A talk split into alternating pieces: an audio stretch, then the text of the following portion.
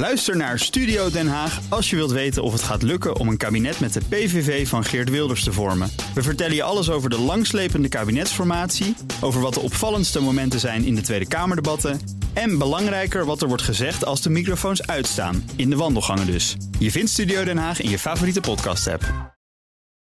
BNR Beter wordt mede mogelijk gemaakt door AstraZeneca. Wij verleggen de grenzen van de wetenschap. Voor patiënten en samenleving. Blijf scherp. BNR Nieuwsradio. Beter. Harmke Pijpers. Als een zorgverlener een fout maakt, moet hij dat eerlijk toegeven en openheid van zaken geven aan de patiënt. Dat klinkt logisch, maar in de praktijk blijkt dat vaak heel lastig. Zorgverleners missen vaak de specifieke vaardigheden die nodig zijn om zo'n gesprek te voeren. En vaak vinden ze het ook lastig om een fout toe te geven. Ja, wie niet? Hans Brulman, niet praktiserend gynaecoloog en medeoprichter van de stichting Openheid na Incidenten, schreef er een handboek over. Openheid na incidenten. En hij is mijn gast.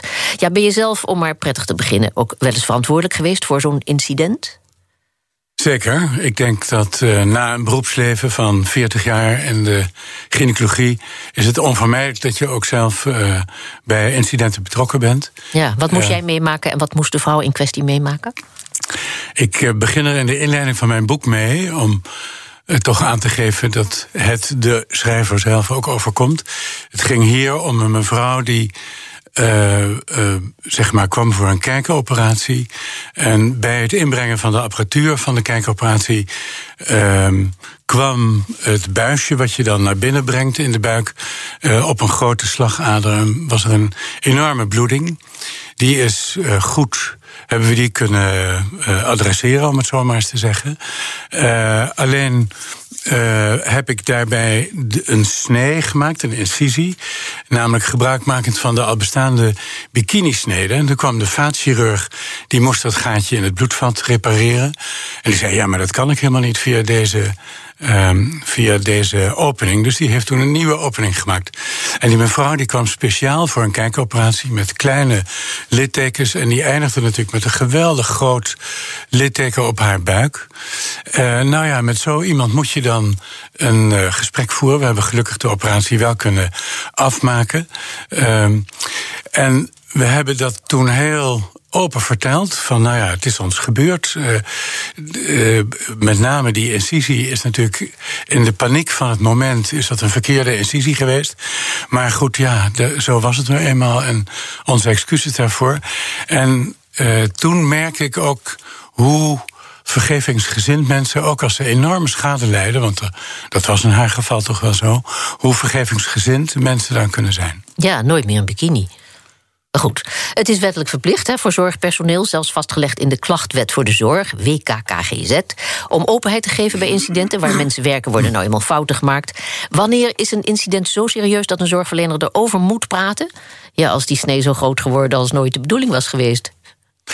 Ja, dat, daar, daar uh, um, uh, in feite moet je zeggen dat als er schade is opgetreden, of schade zou kunnen optreden, Um, zelfs is de formulering als schade had kunnen optreden, ja. dan is dat toch wel het moment om daarover de ware toedracht tegenover patiënten te vertellen. Ja, maar als alles bij een incident nou volgens het boekje zou gaan, hè, want dat gaat het in de praktijk natuurlijk niet, daar praten we nou over. Wat zou er dan idealiter moeten gebeuren? Is er een gedragscode en houdt zich iedereen daaraan? Is dat het ideaal? Um, er is inderdaad een gedragscode, dat heet de GOMA. Die is uh, geredigeerd door de Letselschaderaad. En daar zitten alle partijen in, uh, uit de zorg, ziekenhuizen, artsen, verpleegkundigen, uh, maar ook aansprakelijkheidsverzekeraars. En in die uh, in die GOMA, in die gedragscode, daar staat ook uh, ja, nadrukkelijk dat wordt aanbevolen om open te zijn over uh, fouten, indien die natuurlijk gemaakt zijn. Dat is. Ja. Natuurlijk het geval. Ja, je zegt elke zorgverlener moet zich toetsbaar opstellen in je boek, maar dat gebeurt dus niet altijd. En om het probleem van de incidenten in perspectief te plaatsen, alleen in de Verenigde Staten is er sprake van 98.000 doden per jaar door medische fouten. Hoe zijn die cijfers in Nederland? Ja, er is een monitor van de Nivel verschenen uh, in de afgelopen jaren. En uh, het, de zorggerelateerde vermijdbare sterfgevallen in Nederlandse ziekenhuizen, hè, dus -hmm. niet overal maar in ziekenhuizen, uh, werd toen gesteld op 1053. Ja. In Amerika zijn uh, disclosure-programma's opgezet die openheid moeten bevorderen. Uh, die programma's zijn succesvol, hebben positieve resultaten, heb ik begrepen. Maar toch schiet de waarde openheid geen wortel in de organisatie. Hoe kan dat? Ja, dat is. Uh, opvallend. Uh, zo, dit is een onderzoek wat gedaan is in Washington. Mm -hmm. In een aantal ziekenhuizen uh, zijn uh, zeg maar zorgverleners getraind in het coachen van hun collega's in het open communiceren met patiënten na incidenten. Uh, die mensen waren zorgvuldig geselecteerd, ze werden opgeleid, kregen een opleiding van een halve dag, dat overigens niet zo heel veel is. Nee. Uh, en gingen toen aan de slag. En toen deze meting na één jaar en na drie jaar en na vijf jaar, toen bleek eigenlijk dat uh, dat hele gedachtegoed, maar ook de vaardigheid van die disclosure coaches die waren opgeleid, ja, dat die helemaal niet meer, uh, niet, niet meer bestond. Dus het was een beetje weggezakt. Zorgverleners uh, zijn bang hè, voor de mogelijke consequenties als ze eerlijk zijn over een incident. Ja, daar valt niet goed te praten, maar enig begrip is natuurlijk wel op zijn plaats. Want die consequenties kunnen heel verstrekkend zijn. Ja, zeker. Uh, ik denk dat ook, laat ik maar zeggen, het. Uh, het aantal keren dat er geen openheid gegeven wordt, terwijl het misschien wel had gemoeten, uh, dat dat ook vooral komt omdat zorgverleners zich niet veilig voelen om open te zijn. Ja, alleen al het woord tuchtraad roept angst op, zeker in deze tijd, hè, waarin je naam zo op onze nationale en internationale schandpaal terechtkomt, het internet. Daar worden artsen en chirurgen en andere medici door patiënten beoordeeld. Een negatieve beoordeling kan je je goede naam kosten, toch? Ja, dus zeker is ook de angst voor tuchtcollege of claims of reputatieverlies speelt een rol. Ja. Uh, daarbij dient te worden vermeld dat het juist door open te zijn gebleken is uh, dat mensen, de patiënt en de naaste, minder neiging hebben uh, om juridisch te escaleren. Dus in wezen is het een paradox, paradoxale effect. Dus in, in, in plaats van dat je de tuchtzaken ermee bevordert, heb je juist de kans dat je.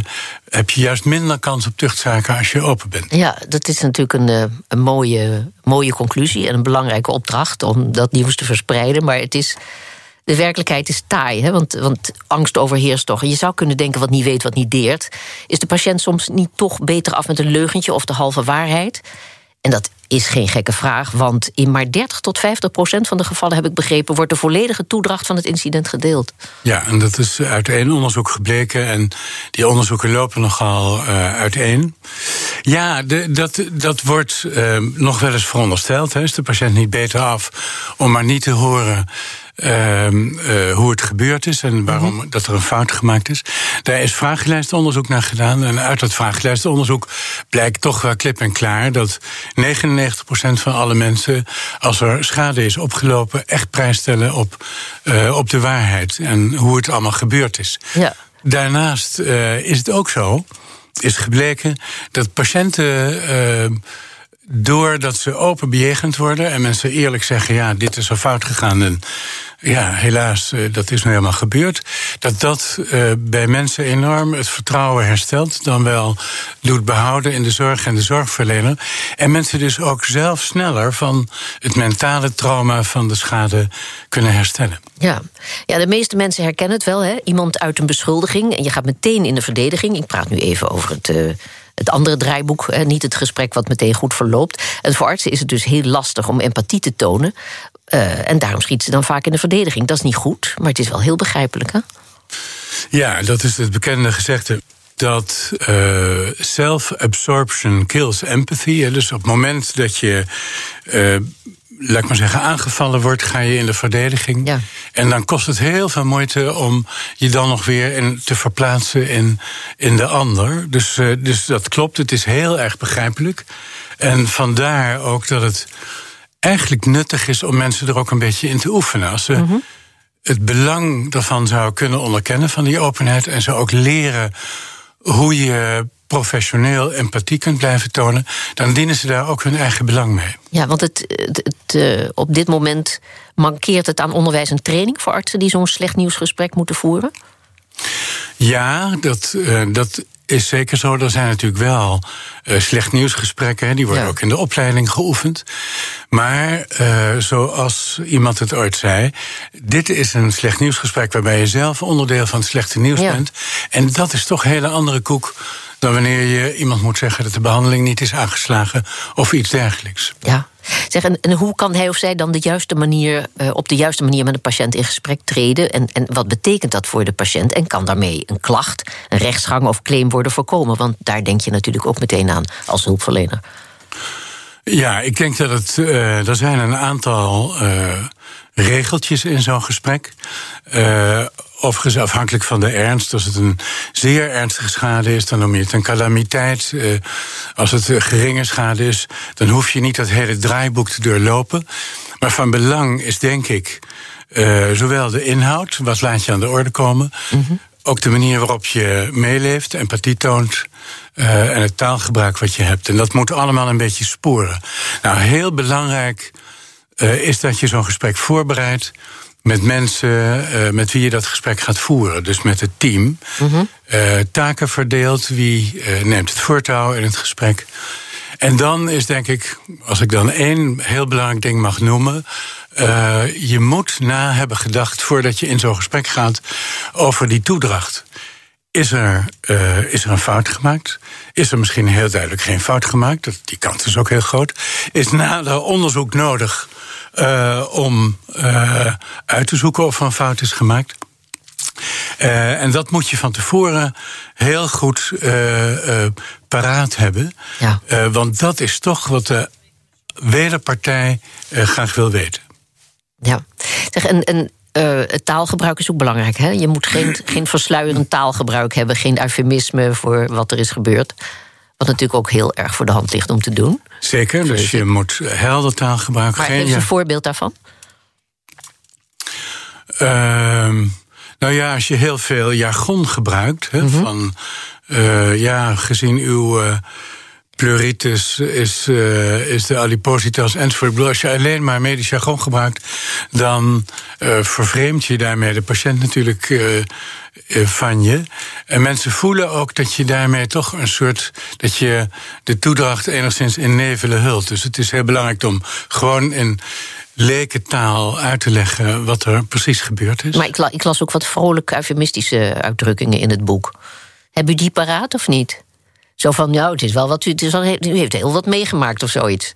Zo opgewekte spreekkamer binnenkomen.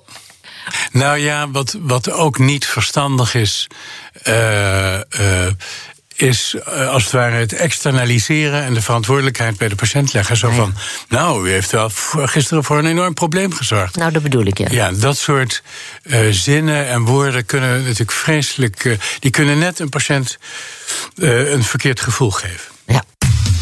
Harmke. Na jarenlange ervaring als getuigendeskundige in medische zaken concludeert mijn gast Hans Brulman dat openheid in de zorg geen regel is, maar een uitzondering. Daarom schreef hij het handboek over openheid na incidenten in de zorg. Of ben u het daar niet mee eens op uitzondering? Nou ja, u noemde, uh, je noemde zelf nog het percentage 30 tot 50 procent openheid. Nogmaals, uh, die gegevens wisten nogal. Dus een uitzondering vind ik te sterk uitgedrukt. Maar dat het geen regel is, dat is absoluut een feit. Ja, hoe, hoe, als er zich iets voordoet, hè, hoe belangrijk is het dan dat de werkgever zich als de werknemer schaart? Of, of werkt dat juist averechts?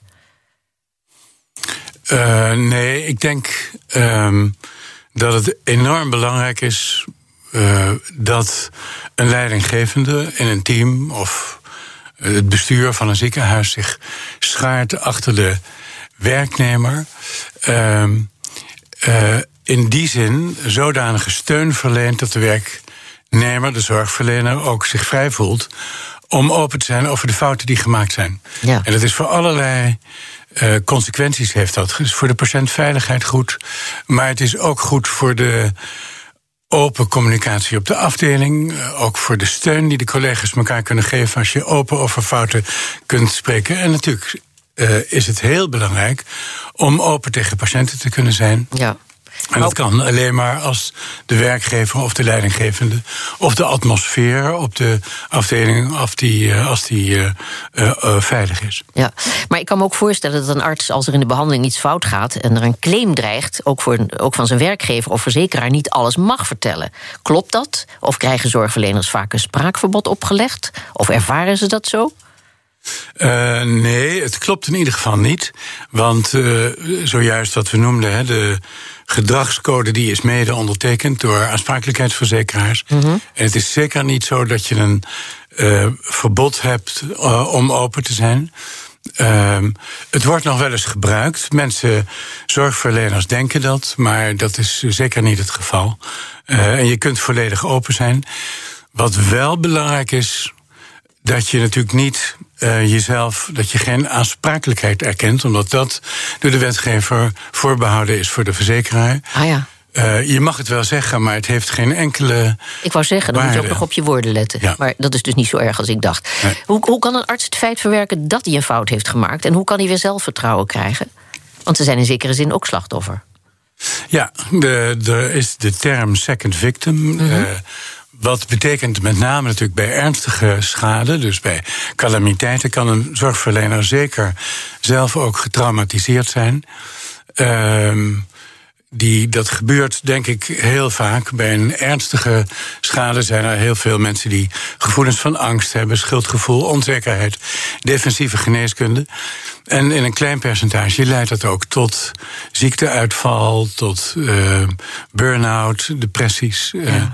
En in die zin is het toch wel heel erg belangrijk dat zo'n zorgverlener de goede steun ontvangt. Ja, het staat in de wet dat openheid moet, hè, maar doet de wetgever ook genoeg om de weg te plaveien? Het staat in de wet dat openheid moet, maar doet de wetgever ook genoeg om de weg te plaveien voor meer openheid? En kan jouw stichting Openheid na Incidenten daarbij gaan helpen? Nou ja, de, wat, je, wat je daarmee aanstipt is natuurlijk die wet. Daar staat in een artikel uh, dat de zorgaanbieder, en namens de zorgaanbieder de zorgverlener, moet onverwijld mededeling doen van de aard en toedracht van. Dus uh, de wet helpt daarbij. Uh, maar zo'n wet wordt, die is in 2016 ingesteld. En die wordt dan na vijf jaar geëvalueerd. En dat is net achter de rug. Uh, in januari 2021 is die evaluatie door Zonneweg gedaan. En daar blijkt dus exact over dit artikel dat deze bepaling brede steun geniet, zoals het er staat, maar uh, de implementatie soms te wensen overlaat. Ja. Met andere woorden, de, de gap tussen het voornemen, uh, de wenselijkheid van openheid en de uitvoering anderzijds, is zeker nog niet volledig tot stand gekomen. Ja, er is nog veel te doen, maar over tien jaar, het zou mooi zijn als de stichting zichzelf dan overbodig heeft gemaakt. Wat verwacht je? um, nou, de, uh, gebleken is dat uh, wat we net aan de orde stelden, dat de cultuur, de veilige cultuur in zorginstellingen, niet alleen ziekenhuizen, maar ook uh, huisartspraktijken, uh, uh, andere zorginstellingen, dat die veilige cultuur heel erg wenselijk is. En die veilige cultuur, die open cultuur, dat je open over je fouten kunt spreken, dat is iets waar onze stichting zich sterk voor maakt. En die openheid moet je onderhouden, want een cultuur, als je die niet onderhoudt, dan verdwijnt die. Heel veel succes en dank je wel, Hans Brulman. Zorgvernieuwers. Er zijn volop ontwikkelingen in de zorg. Nieuwe medicijnen, technieken en behandelmethoden maken het leven van de patiënt beter en het werk van de specialist makkelijker. Wat zijn de laatste innovaties? Elk jaar krijgen zo'n 17.000 mensen een hartstilstand buiten het ziekenhuis. Maar wat als er niemand bij is? Dat is helaas maar al te vaak het geval. En daarom subsidieert Hartstichting nu onderzoek naar slimme horloges die een hartstilstand signaleren en hulpdiensten inschakelen. Gillian Floor van de Hartstichting, vertel, hoe werkt zo'n smartwatch? Ja, wij willen eigenlijk, uh, klopt wat je zegt, dat er 17.000 mensen per jaar een hartstand krijgen buiten het ziekenhuis. En we weten ook dat er maar 8 tot 10.000 mensen een, uh, een reanimatie krijgen. Dus er is een hele grote groep mensen die geen uh, reanimatie krijgt. deels omdat ze niet gereanimeerd willen worden. Maar ook omdat er gewoon niemand bij hun is om 112 te bellen. En 112 bellen is, is eigenlijk heel belangrijk. Um, dus we willen hen ook een kans op overleven bieden. En daarom zijn we dit programma gestart. We willen eigenlijk dat zo'n horloge echt heel goed, nauwkeurig een hartstilstand kan herkennen. Uh, dat is heel belangrijk, dus het herkennen van een, van een hartstilstand. Uh, maar zo'n horloge moet ook 24 uur 7 kunnen meten. Want een mhm. hartstilstand is eigenlijk altijd onverwachts. Je weet nooit wanneer het gaat gebeuren. Uh, dus die moet 24 uur 7 kunnen meten, kunnen analyseren en dat echt door kunnen geven aan, de, aan het oproepsysteem. Ja, maar de aanrijdtijd van de ambulances is uh, vaak te lang, hè, zoals we weten. Compenseert een snelle melding dat probleem? Ja, de aanrijdtijd van ambulance is in Nederland ongeveer 8 tot 10 minuten. Ja. En uh, in Nederland hebben we een, een heel mooi oproepsysteem Hartslag Nu. Daar kunnen -hmm. burgerhulpverleners, dat zijn mensen die kunnen reanimeren, die kunnen, daar, kunnen zich daarvoor aanmelden. Um, en zij zijn eigenlijk altijd sneller dan de ambulance. Eigenlijk als we binnen zes minuten kunnen reanimeren. Tijd is echt heel belangrijk bij een hartstilstand. Ja. En als zo'n horloge ook de burgerhulpverleners kan alarmeren, nou, dan zijn ze veel sneller bij een, bij een slachtoffer dan de ambulance. En dan um, versterk je elkaar echt enorm in het vergroten van de overlevingskans. Het wordt wel een onrustig leven voor de hulpverleners, maar dat is van later zorg hoe we dat gaan regelen. Ik begrijp dat als er een melding naar 112 gaat, dat het de bedoeling is dat je ook de locatie eh, dat die daarbij bekend is. Dat is wel zo handig. Maar iedereen die een smartwatch heeft, die weet dan ook dat het ding af en toe aan de lader moet. Op die moment heb je er niks aan, toch? Of, of is dit uh, fantastische horloge straks een uitzondering erop? Is daar iets op gevonden? Nee, dat is inderdaad een van de, van de punten waar wij de komende drie jaar echt onderzoek naar gaan doen. Is, uh, de batterij is, is echt heel belangrijk. Wat ik net zei, hij moet 24 uur 7 kunnen meten, kunnen analyseren. Uh, dus dat is een van de, van de uitdagingen die we mee hebben gegeven aan de onderzoekers. Van ehm, ja, hoe kunnen we ervoor zorgen dat iemand die een horloge draagt, uh, altijd gemeten kan worden. Ja. Ehm, hoe, ja. Lang, hoe lang gaat het duren voordat dit horloge op de markt komt? Ja, wij willen dit uh, eigenlijk binnen drie jaar op de markt hebben. Dus we hopen binnen drie jaar dat dit uh, voor heel Nederland beschikbaar is. Heel hartelijk dank en heel veel succes met dit horloge. Gillian Floor van de Hartstichting. Wil je meer weten over dit onderzoek? Kijk dan op www.bnr.nl/slash beter. En tot zover deze uitzending van BNR Beter. Op bnr.nl/slash beter is deze uitzending terug te luisteren of on demand via de BNR-app en op uw favoriete podcastplatform. We zijn ook op Twitter te vinden onder BNR Beter. Heeft u tips voor ons? Laat het ons weten. Ik ben Harmke Pijpers. Graag tot een volgend spreekuur. BNR Beter wordt mede mogelijk gemaakt door AstraZeneca. Wij verleggen de grenzen van de wetenschap voor patiënten en samenleving. Ook Harm Edens vind je in de BNR-app. Je kunt BNR Duurzaam niet alleen live luisteren in de app, maar ook terugluisteren als podcast, zoals al onze podcasts. En naast dat de BNR-app Breaking News meldt, houden we je ook op de hoogte van het laatste zakelijke nieuws. Download nu de gratis BNR-app en blijf scherp.